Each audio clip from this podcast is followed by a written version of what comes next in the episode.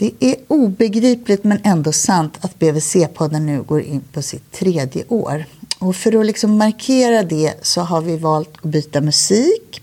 Och för första gången så har vi valt en låt som faktiskt passar den här poddens innehåll.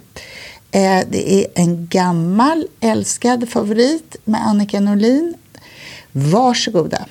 Mm.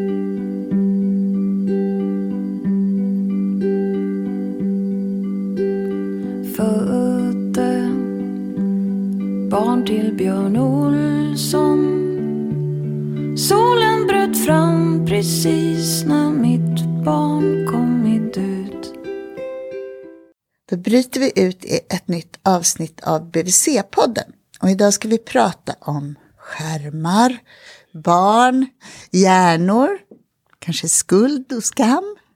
Jag heter Malin Bergström och är barnhälsovårdspsykolog och idag träffar jag... Sissela Nattli. Hej, välkommen. Hej, tack. Och vem är du, Sissela?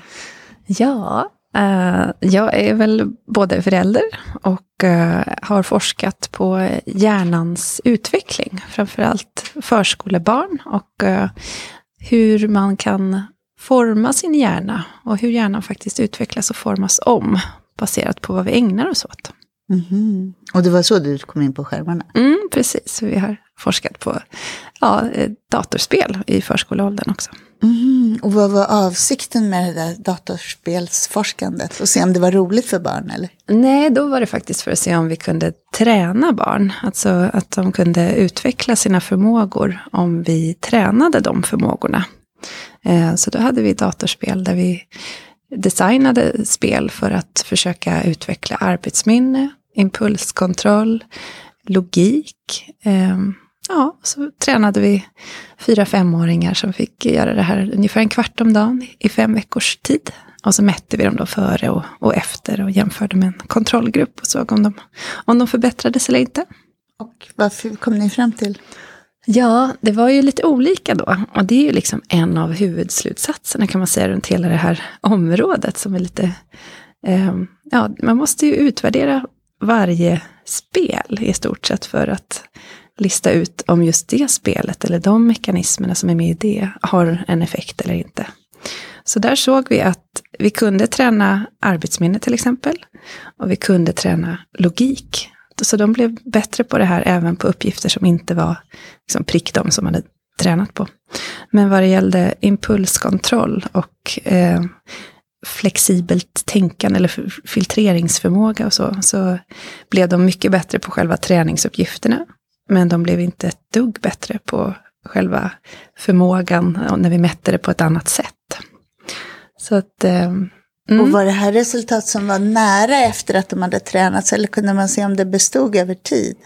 Nej, vi, vi kunde inte följa upp tyvärr. Um, så det här var nära efter de hade tränat i fem veckor. Så någonstans har det blivit en vurpa, för du har ju skrivit en bok som heter Distraherad. Mm. I rött står det på omslaget. Mm. Hjärnan, skärmen och krafterna bakom. Mm. Och någonstans så var utgångspunkten i din forskning, det var att se om vi kan ha hjälp av digitala spel för att stärka barns förmågor i avseenden som är viktiga för att de ska funka och lyckas i skolan och mm, ha det bra med kompisar och så. Exakt. Men parallellt så har du också då blivit oroad över att barn använder eh, så mycket skärmar idag. Um, ja, och det är ju det är lite det som är en av mina huvudpoänger. Vi kan varken dra alla barn över en kam eller all skärmanvändning över en kam. Utan de små barnen har ju helt andra förutsättningar än de lite äldre barnen. Och jag tycker att det är viktigt att inte tappa bort vilka, vilken ålder man liksom pratar om när man pratar om små barn eller barn eller ungdomar och sådär och skärmanvändning. För att det verkar skilja sig åt ganska mycket beroende på hur gamla de är när de gör det här och hur mogna de är i sina förmågor för att kunna ta till sig det som de interagerar med. Eh, och då har du i din bok pratat om barn 0 till 2 år och sen om barn eh, från 2 års ålder. Mm, precis. Och kan du säga något om de där skillnaderna? Mm. Um, Jo, för, och då utgår jag ifrån i hur hjärnan utvecklas, särskilt i den där tidiga fasen när hjärnan ska sk- skapa liksom den grundläggande arkitekturen för hur den kommer att bygga nästa och nästa och nästa steg i sin utveckling. Och just i de där Får första jag bara fråga då? Ja. Är det så då att de första åren, ibland som de första tusen dagarna i livet, så Mm. grundläggs en arkitektur för hur hjärnan fungerar som senare utveckling påverkas av? Var det det du Ja, men sa nu? precis. Exakt. Så att den här första tiden ligger till grund för hur hjärnan kommer att fortsätta utvecklas.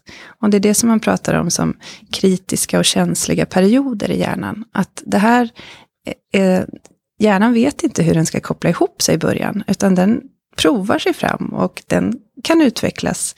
Ja, man kan stärka olika saker ganska olika beroende på vad det här unga barnet får för träning eller exponering eller vad de inte får.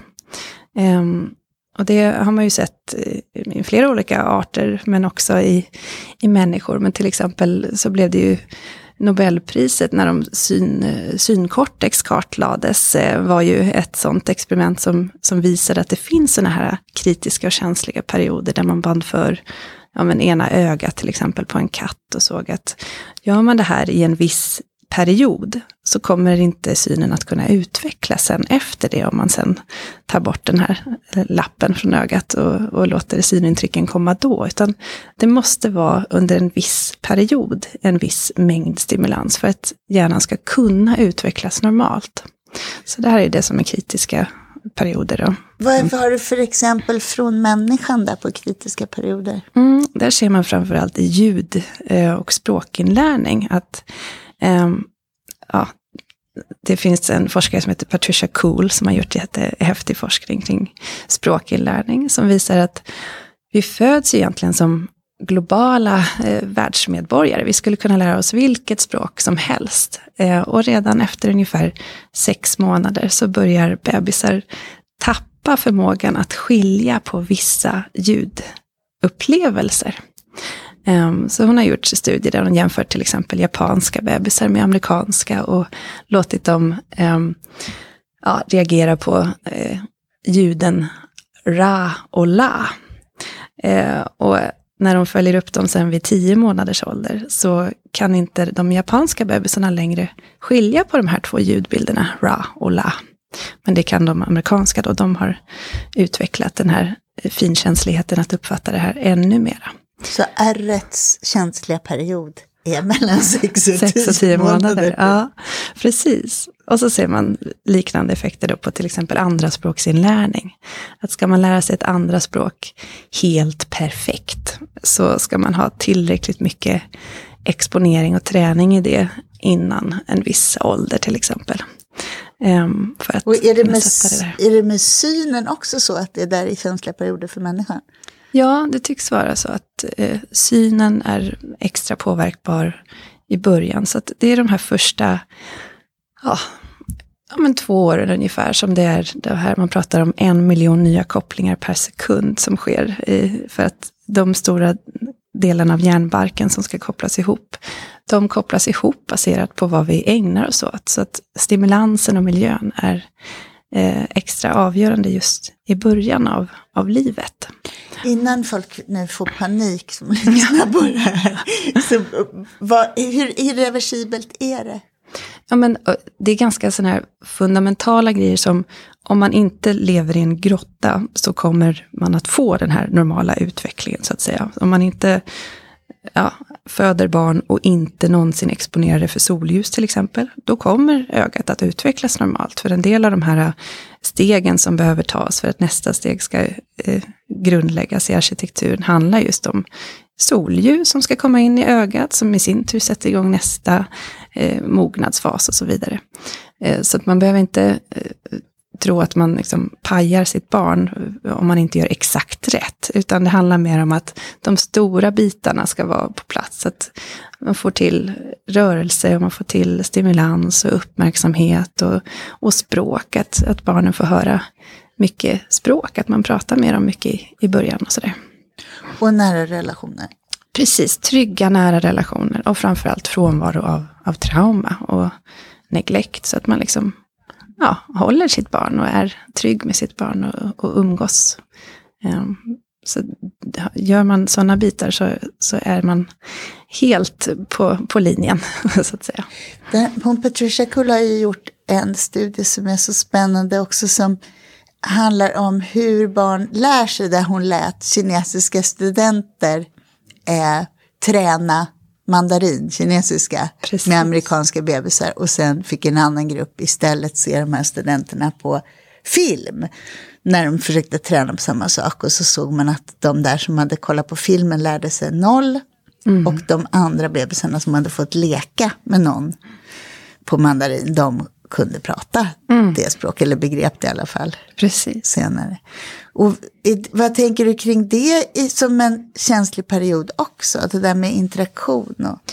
Verkligen, och jag tror att det, det där är ju en jättehäftig studie som jag tycker är mer aktuell än någonsin eftersom eh, nu när vi pratar om skärmar så är det ju framförallt eh, det som är lite poängen. Små barn lär sig väl från andra människor och vuxna och tycks föredra den här liksom live-interaktionen. Där de kan eh, härma och eh, liksom, ja, spegla det som den andra personen gör. Och de tycks inte ens förstå att det är samma sak om de tittar på samma person lika länge på en skärm. Så det uppstår det här som man pratar om som video deficit, att man inte man klarar inte av att överföra det som man ser på en skärm när man är så liten och förstå att det är samma sak som man skulle kunna uppleva i verkligheten. Och det där säger man någonstans 0 till 2 år. Precis. Att man, man inte kan överföra från skärmen till... I, som, saker man har lärt sig via en skärm, det kan inte riktigt överföra till det vanliga livet utanför. Precis, och, det är säkert när det kommer till språk och liksom vissa alltså, konceptuella saker som man ska förstå. Men det är säkert, vi vet ju att barn som lyssnar på musik som är små, de gungar ju med. Det är inte så att de inte uppfattar stimulansen. Det är bara det att de inte kanske lär sig det som man tror att de lär sig. De tar inte in det pedagogiska innehållet. Det här som du beskriver nu, det mm. tänker jag att det för många föräldrar i Sverige är självklart. Alltså man vet det där och man känner det och man kan inte öppna en tidning utan att vara medveten om det på något sätt. Men det gäller inte 100% av alla föräldrar. För man har olika ingångar här, man har olika kunskapsnivå, man har liksom olika förutsättningar för man kan ha det tufft omkring sig och mm. ja, inte riktigt kunna liksom greppa den grejen. Och då undrar jag, hur tänker du att vi som jobbar med små barn och deras föräldrar, hur kan man informera om det här på ett sätt så att man inte skrämmer livet ur folk som har dåligt samvete för att de sneglar på mobilen ibland medan de ammar. Mm. Eh, men verkligen ändå säkerställa att det här är kunskap som alla får. Det där som du sa, du kallar det något så fint, att bebisar de tillgodogör sig live-interaktion eller något sånt. Mm. Mm, de föredrar live performance. Eh, ja, det är ju en utmaning, men jag tror att man behöver, eller för mig blir det naturligt att utgå ifrån eh, hjärnan, så man förstår att det här är, gäller eh, en särskild period i livet, där barnen, det är så svårt att, så kände i alla fall jag när jag var ny mamma, att jag kunde inte riktigt föreställa mig att den här lilla pyttegrejen som inte kunde prata eller interagera särskilt mycket, att det hände så mycket i hjärnan. Och att de behövde mig för att få eh, det de behövde, liksom, eh, utifrån eh, utveckling och stimulans och så vidare. Så jag tror att eh, dels informera om att det händer mycket i hjärnan under de första två åren. Men sen tror jag att mycket av det här som vi går igenom nu med hela liksom, skärmdebatten och den skuld och skam som hänger med i det, handlar om att förstå sin egen hjärna också som vuxen. Att förstå att när man har hamnat i liksom ett, ett scroll som man inte riktigt känner sig bekväm med heller, för det är ju det är ju så att ungefär 50% av vuxna när man frågar i sådana undersökningar säger att de använder sin mobil mer än vad de själva vill. Mm. Och jag tror många relaterar till den där känslan av att mm, det är inte med flit som man har satt sig där för att scrolla, utan man, man hamnade bara där. Och då behöver man också förstå lite grann kring vad man själv har för förutsättningar och vad det är för triggers som de här liksom, interaktionsdesignen i apparna trycker på. Det där vill jag väldigt gärna lära mig. Ja. Om du kunde vara så snäll och hjälpa till. Ja, men, eh, och mycket av det handlar ju om hur, hur apparna är designade. Och där har du ju, ja, det sitter ju folk som har mycket kunskap kring hur man styr beteende och hur man eh, får till ett användande som blir ganska omfattande i tid. Så det, det är vi ju alla offer för, eller vad man ska säga. Ehm, att, och det, en del av de här sakerna har ju börjat pratas ganska mycket om, liksom en scroll som aldrig tar slut, oändlig scroll, det här med notiser och eh, ja, att vi har oregelbundna algoritmer i de flesta av de här apparna som gör att man vet inte om det kommer vara någonting nytt eller någonting spännande eller någonting belönande varje gång man öppnar den. Så att den här osäkerheten skapar liksom maximal känsla av eh, förväntan och oro. Och det driver på en ganska stor del av vårt beteende. Har det hänt något nytt? Har jag missat något? Och även bara allmän uttråkan. För när man är ensam med en liten bebis, det är ju inte superkul och stimulerande hela tiden, utan man är ju mycket med sina egna tankar och ska fylla tiden för sig själv också. Och så hamnar man där eh, ganska lätt. Och där behöver man ju fundera över hur man, hur man vill ha det, och om man tycker att det är ett problem eller inte. Och är det inget problem så är det inget problem. Men känner man att man använder sin mobil mer än vad man vill, så kan det vara värt att eh, dels inventera vad man lägger sin tid på. Hur får de här olika aktiviteterna mig att må? Är det något som ger mig glädje och inspiration till att faktiskt eh, ta tag i någonting eller göra någon aktivitet eller en handling som gör att jag mår bättre? Eller är det saker som får mig att känna mig ledsen eller jämföra mig med andra eller känna mig otillräcklig eller vad det nu kan vara? Då kanske man ska eh, ja, ta bort lite av det materialet, hitta annat material. Kanske våga ta en paus från vissa eh, sociala medier eller vad det nu kan vara som, som tar mycket av ens tid. Eh, och se hur man mår i det.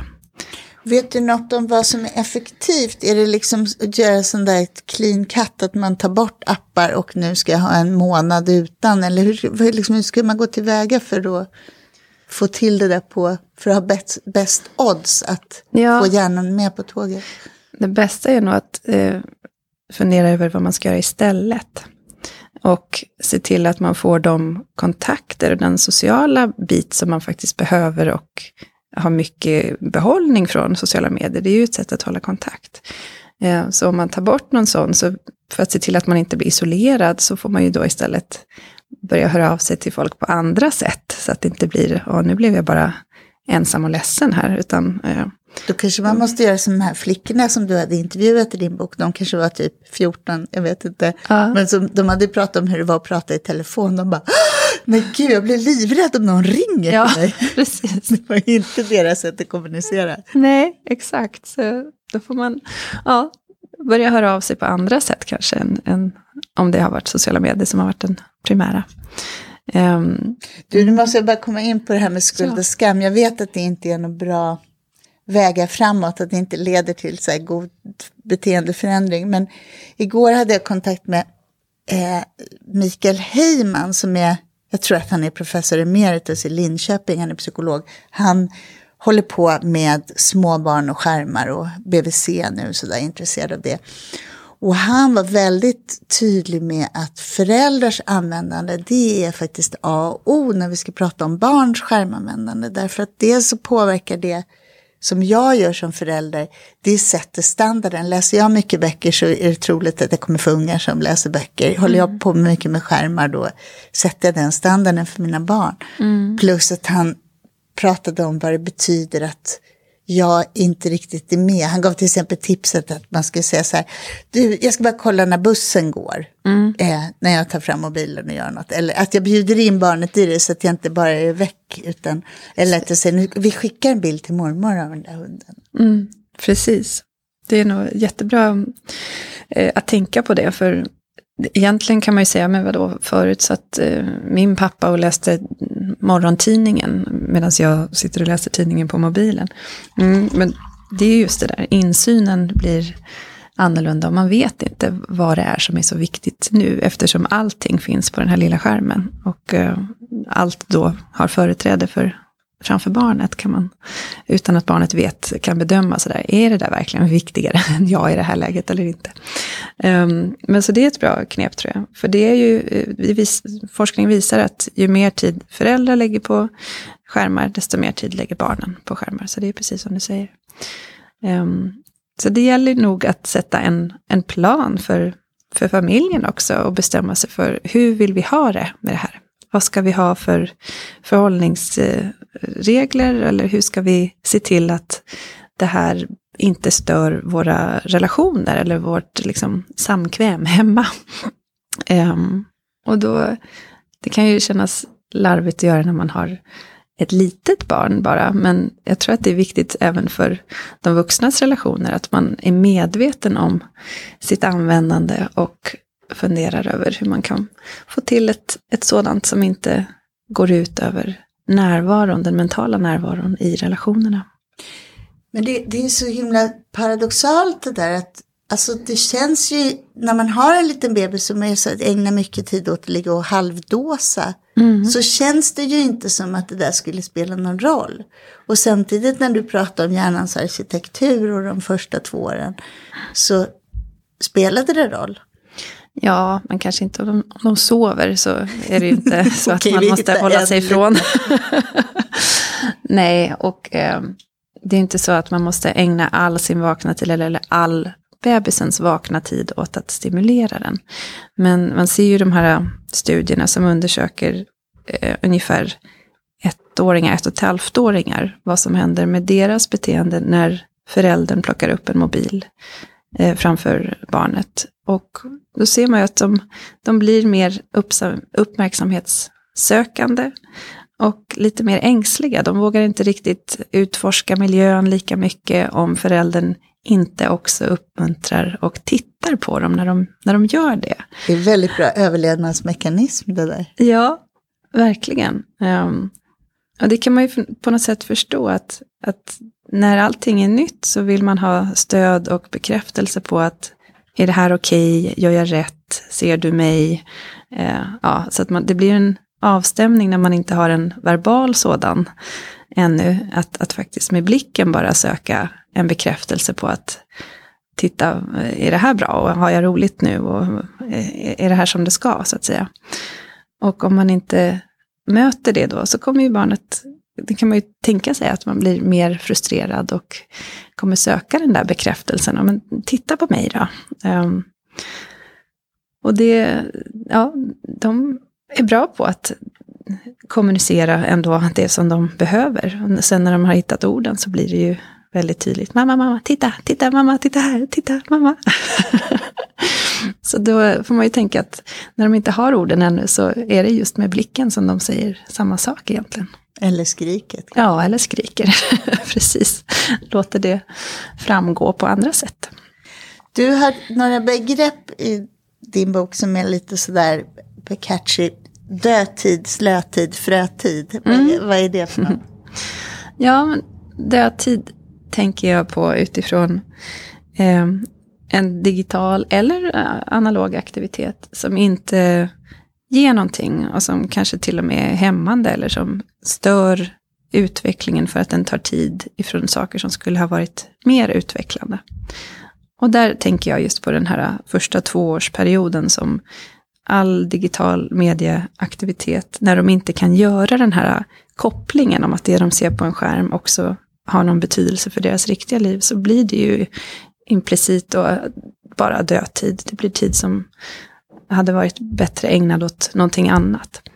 Och bara för att vara tydlig, det handlar inte om att eh, det är någonting farligt i skärmen eller att det är någon, någonting liksom, direkt farligt i det här, utan det handlar om att det blir en indirekt effekt, att det hade varit bättre för dem att krypa omkring på golvet än att sitta stilla och titta på en skärm där de inte förstår innehållet, så att säga. Um, mm. Och sen nästa begrepp, då, slötid. Kan man tänka sig aktiviteter som varken är särskilt eh, stimulerande eller utvecklande eller särskilt hämmande. Där de ja, får en stunds eh, underhållning eller får ut någonting men inte, ja, det kanske inte är jättepedagogiskt material eller väldigt eh, givande men heller inte något som, som eh, ja, stör eller skadar eller så. Då kan det ju vara att man har kommit över den här liksom mest kritiska perioden där de hade mått bättre av att eh, i stort sett göra vad som helst eh, annat än det här. Där de faktiskt kan ändå få en stunds stimulans eller så. Den där slötiden tycker jag att många föräldrar får ångest över. Eh, det kan jag tycka verkligen är, det är så onödigt. Jag tänker så här att ungar varvar ner efter förskolan framför tvn med något mm. barnprogram. Eller att man har en lugn morgon därför att man dricker välling framför tvn eller äter frukost. Eller, alltså sånt där som jag tycker är ganska mysiga skärmvanor och som jag tänker, gud vad glad man ska vara att det finns skärmar så. Mm. För det är ändå, jag tänker en dag på förskolan, då har man varit med om ganska mycket. Det är mm. ganska bra om man kan få varva ner lite grann. Mm, absolut, absolut. Och detsamma gäller ju frötid egentligen. Alltså att det måste ju inte vara att, att den här innehålls, eh, det här innehållet som, som, jag ser inte det i alla fall i, i frötid, att det skulle behöva vara nu är det bokstäver och eh, liksom grundläggande sifferförståelse, utan att det, det kan handla om bara att eh, titta på ja, men, djur eller vad som helst som är eh, bara en, en härlig eh, miljö som barnet kan förstå. Det är också en härlig positiv stund där de kan få en ökad förståelse för ja, men om man inte bor nära djur så kommer man förstå ändå från att titta på en bondgårdsfilm uh, mer om de här djuren än om man inte hade sett den här filmen. Och det är ju det är väldigt positivt såklart. Men du, tänker du att om jag ska fråga dig om vettiga skärmvanor mm. utifrån hjärnperspektivet. Mm.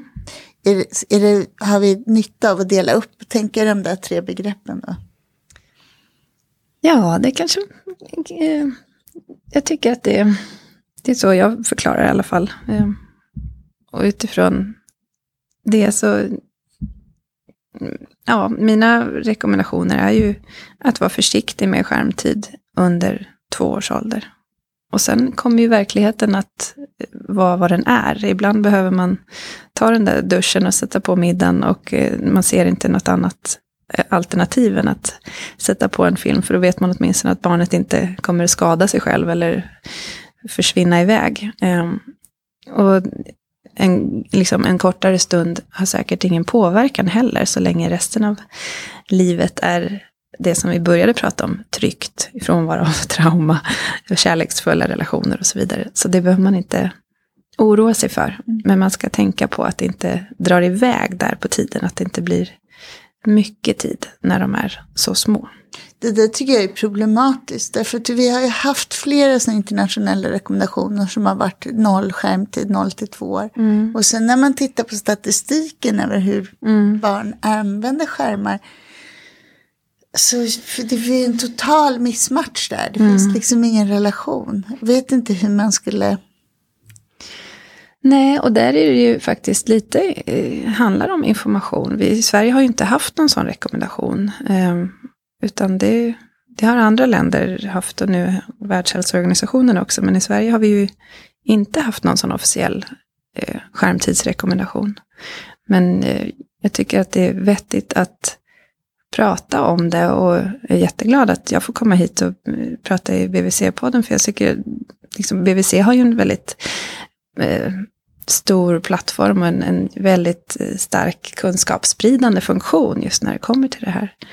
Um, och det finns ju en del studier ändå som tittar på långtidseffekter där man ser att mycket skärmtid i de unga åldrarna är kopplad till försenad språkutveckling och socioemotionell eh, anknytningsproblematik och uppmärksamhet och så vidare. Och ett klassperspektiv. Ja, precis. Ja, det är ju också, alltså, i vissa studier har man inte tagit hänsyn till det då, eh, att det finns olika socioekonomiska förutsättningar. Men nu har det kommit några studier på sistone som också har tagit hänsyn till det här där skärmtiden ändå kvarstår då som en förklarande variabel. Och då ja, visar ju det stöd för att man, man behöver nog vara lite försiktig just i de yngre åldrarna med skärmtid. Vad säger du som har forskat på hjärnans utveckling? Tycker du att eh, forskningsläget är tillfredsställande? För jag tycker att det har varit svårt att hitta studier, särskilt om, de, om små barn. Mm. Ja, nej, det är ju absolut inte tillfredsställande. Man skulle ju vilja att det fanns mer ja, sådana här studier som man verkligen kan dra säkra slutsatser från. Randomiserade, kontrollerade studier. Och det är ju eh, Det betyder att man skulle lotta barn till olika frekvens på skärmtid. Och det kanske är svårt att rekrytera familjer till det. Ja, dels är det ju svårt rent praktiskt. Men sen är det ju också, jag har svårt att se den etiska kommitté som skulle säga okej okay till en sån studie när man väl har visat de här fåtal, men ändå liksom longitudinella studierna som visar på den här negativa kopplingen. Ehm, jag tror inte att de skulle få göra sådana studier då faktiskt. För att du menar att man skulle utsätta barn för en risk då? Ja, precis. Alltså, så brukar det vara. Om det finns en risk som redan är påvisad i forskning så får man ju inte göra det på små barn. Det är ganska bra regel. Ja. du, ja, en annan grej som jag läste i någon översikt från någon kanadensisk kanske barnläkarförening eller så, som handlade om konflikter kring skärmar, mm. som uppmuntrade oss till att vi skulle vara lite noga med det här eh, rutiner och regler kring skärmar när barnen är små. Därför att man sa att det är absolut bästa sättet att se och få till det eh, så att man inte får så mycket bråk när ungarna blir lite större i fyraårsåldern. Mm. Det tyckte jag var ett intressant perspektiv. Mm, det kan jag tänka mig. Och man ser ju också att vanorna etableras ganska snabbt som håller i sig länge också. Att skärmtid vid ja, 3-4 års ålder tycks hänga med upp i 7-8 års ålder. Att har man mycket skärmtid som väldigt liten så har man också mycket skärmtid lite senare. Så det, ja, det är verkligen en, en ny aspekt av modernt föräldraskap som, som man behöver tänka till lite kring så att man inte bara hamnar där, eh, som de flesta av oss som har ja, blivit föräldrar i den här tiden bara har gjort. Det har ju varit ganska oreflekterat även i min familj. Det är ju sista åren när jag har börjat grotta ner mig i det här ordentligt som det har blivit så här, oj, nu tar vi tag i det här. Och tro mig, vi kämpar lika mycket som alla andra. För det, det, det är utmaningar och svårigheter och väldigt starka krafter i det är kul. Ja, de ja, men det är det man skulle egentligen vilja göra ett avsnitt som handlar om vad roligt det är och vad mycket vi, ja. vi, vi har lärt oss vad mycket vi får in i våra... Ja. Liksom, vad mycket vi, ja, detta också tillför mycket. Mm. Du, konkret då, vad, vad tänker du för regler och sånt kring skärmar kan vara vettigt för att styra upp det? Har du någon erfarenhet av till exempel skärmfria dagar kontra skärmfria ställen hemma? Eller? Mm. Ja, nu får det bli mera utifrån mina egna erfarenheter. Men eh, ja, skärmfria dagar funkar bättre för oss än vad det har varit att begränsa till tid per dag. Eh, det blir väldigt mycket mindre friktion och färre konflikter eh, när man vet att vi kör till exempel skärmfritt måndag till torsdag.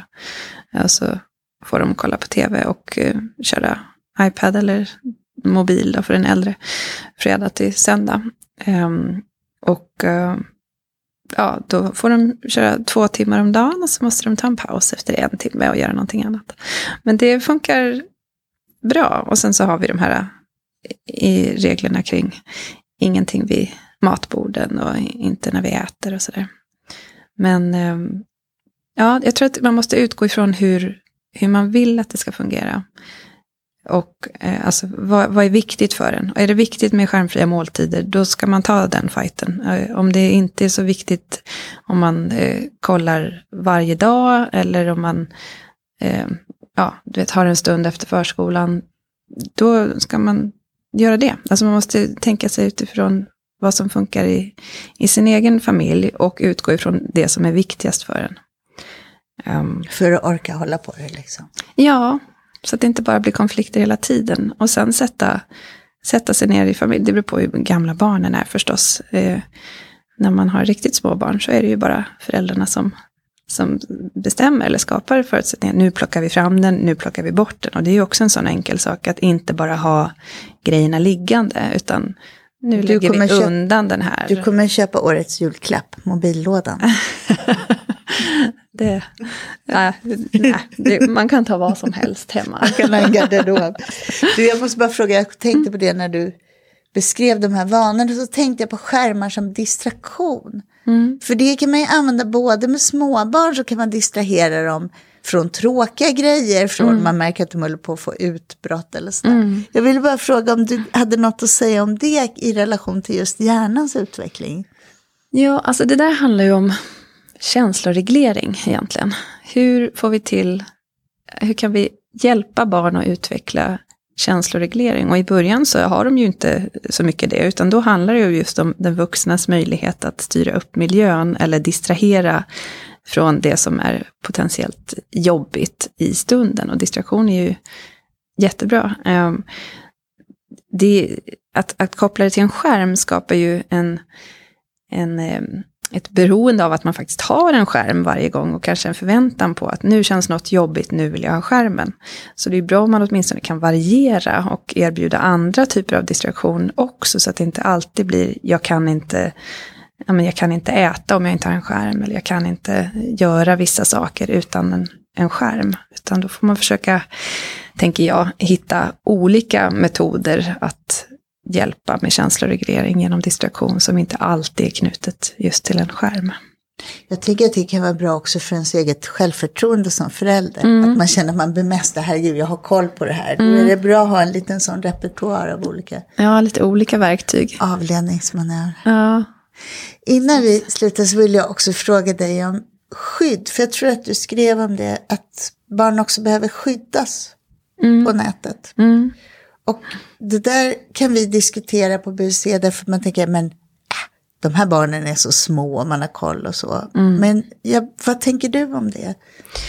Jag tänker att det faktiskt är vuxnas ansvar att skydda barn mot skadligt material och liksom, vi- vi behöver se till att den omvärld de möter inte är skrämmande för dem. Och i iPad-paddor och även tyvärr i barnspel så finns det ibland reklam och pop-up-annonser och sånt som inte är lämpligt för barn att se. Så det är något som man också behöver se över och, och konfigurera på sin digitala eh, plattform, vad det nu må vara. Att man har till exempel ja, porrfilter eller eh, ja, Google Safe Search-grejer så att det inte dyker upp eh, våldsamma grejer bara av misstag så att säga. Och så kanske man måste utmana sig själv också att inte bli hysterisk och skrika om de kommer till en och visar något sånt där. Och rycka undan paddan utan att man fostrar någonting som gör att de fortsätter att säga till. Om de blir Precis. skrämda. Verkligen, och det där får man ju verkligen jobba med sig själv och, och göra, försöka ha en positiv, nyfiken eh, inställning till ens barns medieaktiviteter också. Och det kan ju verkligen vara utmanande, men det är, ju, det är verkligen superviktigt, så det är bra att du lyfter det. Att man försöker sitta med, och särskilt i de unga åldern, åldrarna så behöver de ju att, att man sitter med och interagerar och hjälper dem att förstå och sådär. Men ju äldre de blir, desto mer självständiga kommer de ju bli i sitt användande. Och då gäller det att hänga kvar i den där nyfikenheten och, och fråga och, och så här, kan du berätta och vad är det här och får jag, får jag också vara med och kan jag göra ett eget konto i det här spelet eller vad det nu kan vara. Mm. Vilka spel har du konton i? Ja, alla möjliga. Vad har du för level? Vill du ha mitt eh, profilnamn? Jag tar det efteråt. Du, Sissela, är det någonting som jag har missat att fråga dig om som du vill berätta? Um, nej, men jag, jag tror att det här är en ja, en spegling av det samhälle vi lever i just nu. Och jag tror att vi kommer se alla möjliga lösningar som kommer hjälpa oss att lösa de här problemen. Som nu var och en, varje familj och varje individ sitter och axlar de här svårigheterna och har den här gnagande känslan i magen och bara, ska det vara så här? Jag tror att vi kommer få se ett skifte globalt där vi får det lättare att forma sunda skärmvanor både för vuxna och, och för barn. För vi kommer inte ha mindre digitala aktiviteter, vi kommer ha mera. Och då gäller det att de är utformade på ett sätt som passar mänskligt välbefinnande. Tack. Då bryter vi av det här samtalet. Tack för att du kom hit. Tack för att jag fick.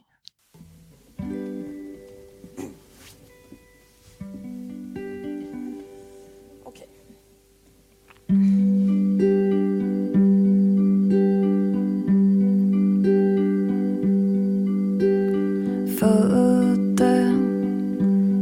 barn till Björn Olsson.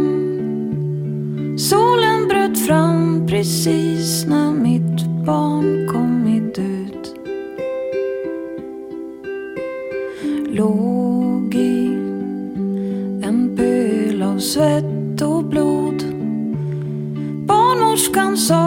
jag såg din spelning på Luleå kulturhus.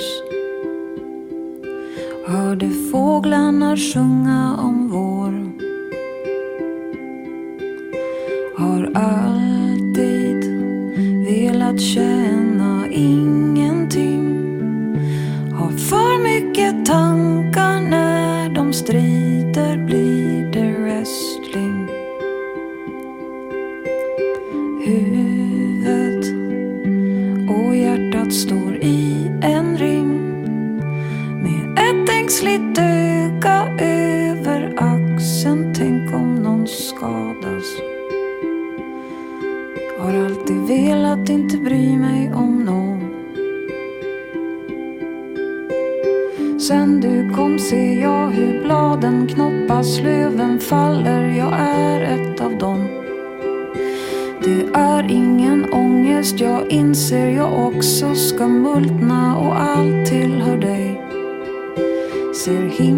himlen åter blir grå.